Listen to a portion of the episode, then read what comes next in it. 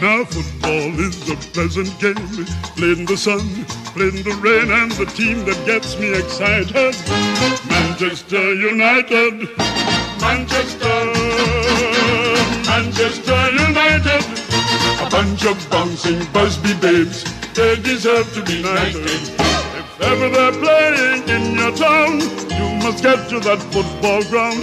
Take a lesson, come to see football taught by Matt Busby and Manchester.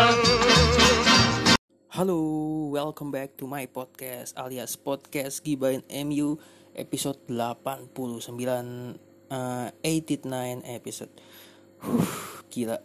Menghela napas memulai tag podcast ini karena di ajang Europa League kemenangan 1-0 yang sudah di depan mata harus sirna di detik-detik terakhir atau detik terakhir menit terakhir lah.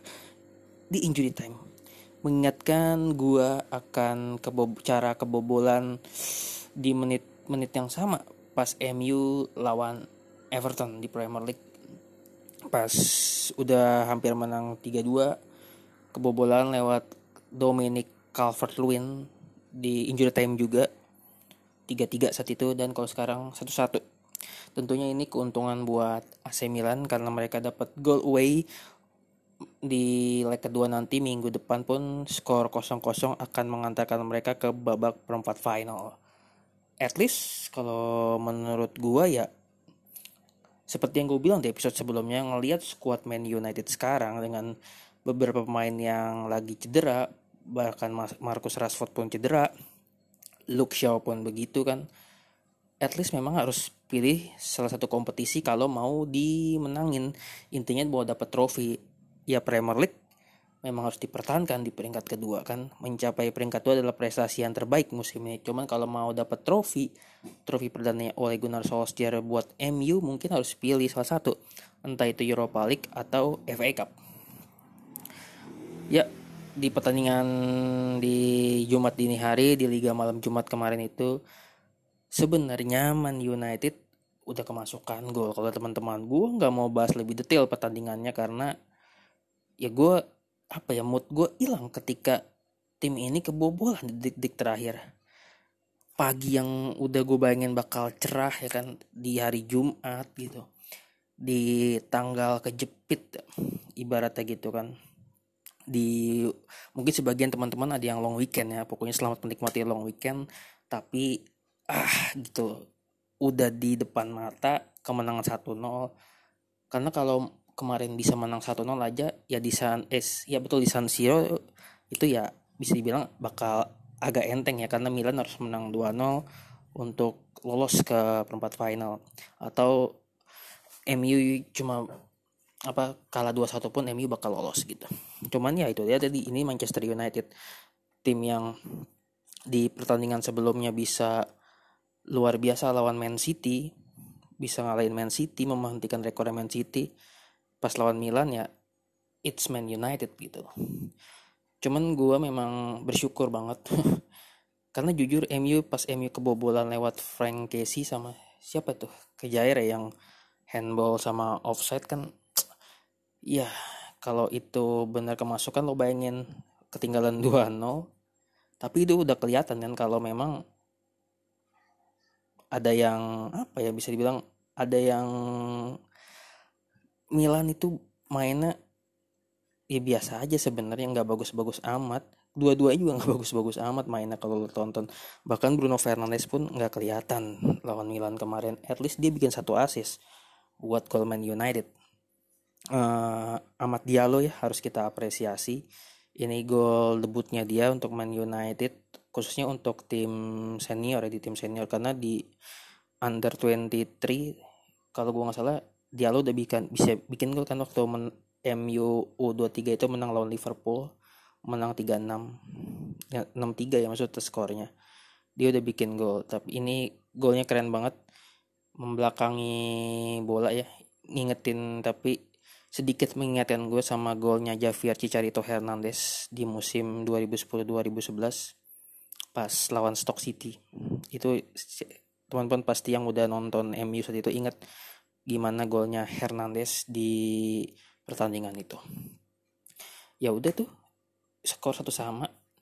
Ya mau nggak mau United harus mencetak gol lebih dulu di San Siro nanti kalau masih mau lolos ke babak perempat final Europa League.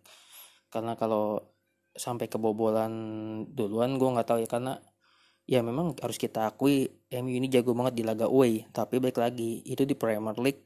Sementara di laga away Eropa musim ini ya 50-50 lah. Oke at least mereka kemarin menang lawan Real Sociedad di 32 besar menang 0-4 tapi kan itu bukan yang langsung Sociedad ya mainnya di tempat netral juga. Tapi memang dihitungnya di kandang Sociedad. Tapi kalau kita tarik mundur sedikit MU kalah lawan Red Bull Leipzig di matchday ke-6 Liga Champions di laga away kan? Terus sebelumnya bahkan kalah sama Istanbul Başakşehir 2-1 di laga away. Terakhir kali United bukan terakhir kali maksudnya se se sebelum itu ya yang bisa menang pas lawan PSG kan? Memang ya, ya bisa bilang rekor away-nya United musim ini di kompetisi Eropa ya 50-50 lah. Ada menang ada kalahnya. Ya gue berharap tentunya pasti lolos ya kalau jujur ya kalau sebagai fans pasti pengennya United tuh lolos ke dua kompetisi yang lagi diikutin nih di kompetisi FA Cup sama Europa League ke final lah minimal gitu loh. Pasti akan ada rasa menggebu-gebu sampai akhir musim kan. Memang di Premier League peluangnya belum tertutup ya meskipun di midweek kemarin City menang 5-2 lawan Soton. Dan mereka memperlebar jarak lagi menjadi 14 poin. Tentu ini uh, sedikit pasti ada tekanan nih di akhir pekan nanti pas MU main di Premier League. Jadi gitu aja sih yang bisa gue bahas di lawan AC Milan satu-satu. Kalau ingat terakhir kali main di San Siro MU menang 2-3 lawan AC Milan ya kan? Itu di UCL 2009-2010 udah lama banget udah hampir 11 tahun yang lalu. Dan pemainnya pun udah beda semua. Ya gue nggak tahu ya di leg kedua nanti itu Ibrahimovic udah bisa main atau belum gue juga belum tahu. Tapi ya, udahlah gitu aja yang bisa gue bahas dari lawan AC Milan. Karena jujur memang agak-agak males ya bahasnya. Karena kebobolan di menit terakhir tuh agak nyesek gitu. Meskipun emang nggak kalah seri. Tapi ya itu dia baik lagi. Kebobolan di menit terakhir apalagi pas kalau ingat-ingat lawan mirip-mirip banget sama pas lawan Everton ya kan. Aduh ilah ah ya udahlah kita lanjut ke segmen kedua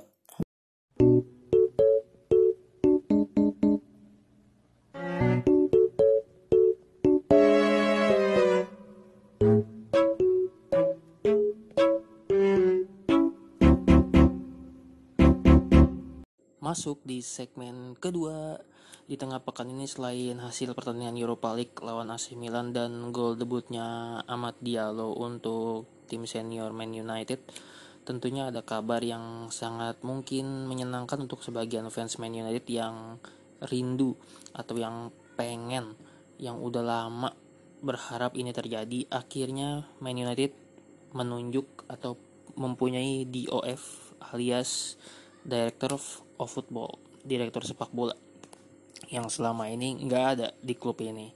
Mereka menuju John Murtoh sebagai direktur football, direktur sepak bola dan tentunya juga menunjuk Darren Fletcher sebagai Dirtek alias direktur tekniknya Manchester United. Tentunya ini kabar yang ditunggu-tunggu banget ya, tanpa tedeng aling-aling, tiba-tiba tuh kalau teman-teman ingat uh, abis maghrib ya kan di akun Twitter Man United di akun Instagramnya mengabarkan itu bahkan di website juga. Kita semua seneng dengarnya dan tapi harus dicatat kalau kita belum bisa tahu apakah ini bakal bikin Man United sukses ke depannya, bikin Man United berprestasi ke depannya karena kita akan lihat dari kinerjanya si Murtoh ini kan, John Murtoh ini gitu dan tentunya Darren Fletcher ya kan? Darren Fletcher ini sebagai Dirtek kalau nggak salah Dirtek ini dibawanya oleh Gunnar Solskjaer ya. Jadi si Fletcher bakal ada orang apa di bakal ada di bawahnya Solskjaer. Jadi mungkin Fletcher yang akan merekomendasikan untuk oleh Gunnar Solskjaer nantinya gitu. Sementara kalau di OF ini ya kan si John Murtoh ini yang gue tahu yang gue baca juga beliau ini kan bekas bawaannya David Moyes ya waktu musim 2013-2014 dia dibawa dari Everton. Sebelumnya gue lupa dia ngejabat apa di Man United tapi dia itu berperan besar dalam perekrutan pemain-pemain Manchester United Women. Kalau yang teman-teman tahu kan MU Women kalau kalian mau dengerin tentang MU Women ada tuh di episode 58 silahkan searching sendiri di podcast Giben MU nah itu dia tuh mungkin Man United melihat dari situ kenapa si John Murdoch ini akhirnya ditunjuk menjadi DOF dan kalau nggak salah dia juga yang bawa Amat Diallo ke Man United ya. Dia yang merekomendasikan. Tapi ya balik lagi tadi gue pun sangat excited ya dengan penunjukan di OF ini karena berharap ini bisa membawa MU berprestasi kan. Tapi ya tetap aja masih ada Ed Woodward di dalam klub. Ya tentunya masih ada Glazer gitu ya harapan gue ini sama John Murtoh mungkin ya sangat-sangat apa ya terlalu bisa dibilang agak terlalu tinggi ya karena gue berharap MU bisa kembali berprestasi dapat pemain-pemain yang diinginkan. Ya mirip lah sama eranya Sir Alex Ferguson waktu David Gill ya. Waktu itu kan tapi David Gill yang berperan besar ngebawa pemain-pemain masuk ke Man United ya, tentunya tentunya dapat rekomendasi dari Sir Alex Ferguson atas permintaannya Ferguson gitu. Tapi ya kita lihat aja ke depannya bakal kayak gimana uh, kinerjanya si DOF ini untuk Man United. Karena bisa dibilang dia akan bekerja mulai dari sekarang dan di musim panas nanti menjelang musim baru tentunya itu akan menjadi apa ya pekerjaan yang baru untuk dia. Tentunya pasti gue yakin oleh Gunnar Solskjaer ini udah dan tim kepelatihannya udah memasukkan nama-nama list-list pemain yang diincar sama mereka dan berharap bisa didatengin. Tentunya ada plan A, plan B, plan C dan plan D. Siapa, siapa aja pemain-pemain yang bakal uh, masuk ke Man United gitu deh. Kita lihat aja ke depannya. Dan gue juga senang banget Fletcher akhirnya mendapatkan jabatan. Karena Fletcher itu beberapa minggu yang lalu juga kan memang pas masuk gue lupa dia sebagai apa ya? Gue lupa tuh pertama kali dia dia kalau masuk tim jajaran pelatihnya oleh Gunnar Solskjaer tapi akhirnya sekarang diangkat jadi dirtek ya gue berharap banget ini bisa membawa kemajuan buat Man United berprestasi dapat trofi lagi. Karena ya cukup kangen lah em lihat MU angkat trofi setelah Europa League 2017 itu. Kalau musim ini puasa gelar lagi gitu itu artinya MU udah puasa gelar 4 musim dari semua ajang yang diikuti puasa gelar bahkan kalau Premier League itu udah masuk berapa tuh? 8 musim ya. Premier League udah masuk 8 musim MU puasa gelar gitu. Jadi ya berharap banyak lah. Sama dua orang ini ke depannya bakal seperti apa. Dan di pekan ini Man United bakal menjamu West Ham di hari Minggu. Tapi kalau di Indonesia nya Senin dini hari seperti biasa kalau teman-teman mau begadang lagi tapi ingat ini matchnya hari Senin. Buat teman-teman yang kerja yang beraktivitas di pagi harinya mudah-mudahan bisa membagi waktu dan jam tidur yang tepat ya. Karena kalau hasil tidak memuaskan tentu mood kalian akan berpengaruh di pagi hari apalagi itu hari Senin loh teman-teman. Setelah mungkin teman-teman yang pada long weekend yang mendapatkan kesempatan liburan dan lawan David Moyes ini artinya ini adalah pertemuan ketiga musim ini. Si Ole Gunnar Solskjaer sama David Moyes pertama di pertemuan pertama di markasnya West Ham. Itu United menang 1-3 lo pasti ingat pertandingan itu uh, umpan long ballnya Dean Henderson ya kan yang jadi golnya Paul Pogba dan membuat MU menang 3-1 saat itu. Yang bikin Moyes naik darah karena Moyes protes ke wasit kalau tendangan Deano itu dari belakang itu sudah keluar melewati garis. Dan di pertemuan kedua tuh ada di FA Cup. Di laga apa 16 besar ya berarti kemarin. Itu menang 1-0 pertandingannya alot banget. Kalau lo ingat pertandingan itu lo tonton itu alot banget. Bahkan harus sampai butuh extra time. Dan yang bikin gol McTominay ya kalau gue nggak salah ingat menang 1-0 doang kan MU itu pun gue di injury time dan itu benar-benar alot banget. West Ham benar-benar bertahan benar-benar parkir. Sebenarnya saat itu ya it's David Moyes gitu. Tapi gue berharap lawan West Ham ini tentunya West Ham ini kan tentu sangat mengejutkan nih bisa dibilang musim ini khususnya di Premier League.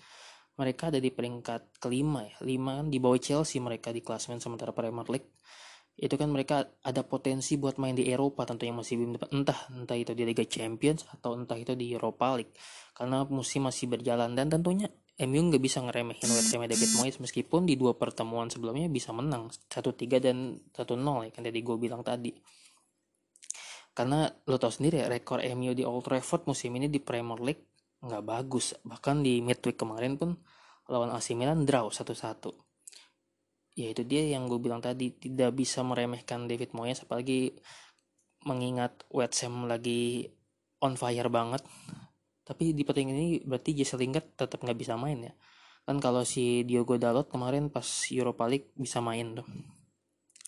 Tapi kayaknya kalau Lingard nggak bisa main ya kalau dari rulesnya MU ya. Kan kalau di FA Cup kemarin gak bisa main karena sebelumnya Lingard udah pernah main pas MU lawan Watford. Jadi pas MU ketemu West Ham Lingard nggak bisa main karena terkendala kaptit ya kan um, ya kalau dari prediksi gue kalau dari keinginan hati pasti pengen MU dapat 3 poin ya untuk menjaga poin dengan City menjadi 11 poin lagi atau tentunya sedikit men, apa ya menjauh dari kejaran Leicester gitu. Ini gue lupa nih, ini yang main Leicester duluan atau MU duluan. Karena dalam tiga laga terakhir Premier League itu Leicester main duluan ya dan setiap Leicester seri MU bakal seri. Tiap Leicester seri MU seri lagi. Dan Leicester yang menang MU menang. Termasuk pekan kemarin kan pas Leicester menang lawan apa tuh mereka 2-1 di malamnya MU menang di derby Manchester gitu. Di pekan sebelumnya pas Leicester seri lawan Burnley kalau gue nggak salah MU ikutan seri lawan Crystal Palace gitu. Jadi ya gue nggak tahu nih gue belum lihat jadwalnya. Maksudnya Leicester main duluan atau MU atau setelah MU pokoknya kayaknya hasil Leicester akan sangat berpengaruh sama Manchester United. Dan kalau untuk peluang juara musim ini ngelihat City kemarin menang lagi 5-2 memang agak berat ya udah tinggal 10 laga terakhir. Ya udah paling realistis ya gue yang sering gue katakan di episode-episode sebelumnya. Ya udah peringkat kedua adalah hal yang paling realistis. Baru tuh musim depan sedikit merombak mungkin ya membuang pemain-pemain yang memang udah nggak layak mungkin atau kontrak udah habis ya kan dan memasukkan pemain-pemain baru. Mungkin musim depan baru bisa kita bilang saatnya MU juara mudah-mudahan ya gitu. Karena musim ini kan lihat sendiri tim ini ketika udah ada di puncak justru kayak nggak punya mental kan mereka goyang tuh. Mereka pas ngejar puncak ngejar puncak ke Liverpool itu luar biasa penampilannya. Tapi ketika Man United ada di puncak ini mereka kayak nggak punya mentalitas gitu untuk mempertahankan mereka di puncak gitu loh. Nggak seperti kayak era-eranya Sir Alex mungkin kan. Ya, ini dia balik lagi karena kan pemain-pemainnya ya memang ya belum punya mentalitas juara mungkin ya bisa dibilang kayak itu belum punya. Ya siapa sih di squad MU sekarang yang udah pernah ngerasain jadi juara Premier League atau setidaknya bersaing sebagai title contender? Mungkin ya Juan Mata Juan Mata pun di Chelsea pun pas musim-musim media di Chelsea pun Chelsea-nya nggak begitu bagus di Premier League ya kan? Saat itu udah dua Manchester kan yang mendominasi. Terus ada Nemanja Matic mungkin paling matik ya kan? Paling bisa dibilang karena dia bisa ikut bantu Chelsea juara Premier League pas bareng Jose Mourinho atau Antonio Conte. Gue lupa tuh pokoknya itulah dia. Ya udahlah gitu aja teman-temannya di episode 89 ini Uh, makasih lo udah dengerin. Maaf kalau banyak salah-salah kata. Maaf kalau suaranya nggak bagus. Maaf kalau ada suara-suara yang masuk. Suara-suara yang karena ini direkam di suatu tempat yang sebenarnya nggak layak buat rekaman podcast gitu loh. Jangan lupa pokoknya nonton MU West Ham. Mudah-mudahan kalau yang nggak bisa nonton atau malas nonton Manchester United nggak usah dipaksain. Mendingan kalian tidur.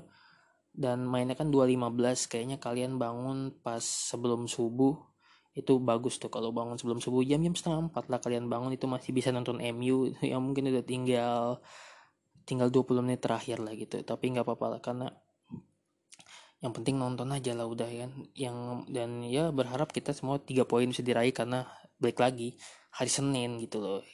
Karena hasil Man United sangat berpengaruh sama mood kita semua. Gue pamit. Wassalamualaikum warahmatullahi wabarakatuh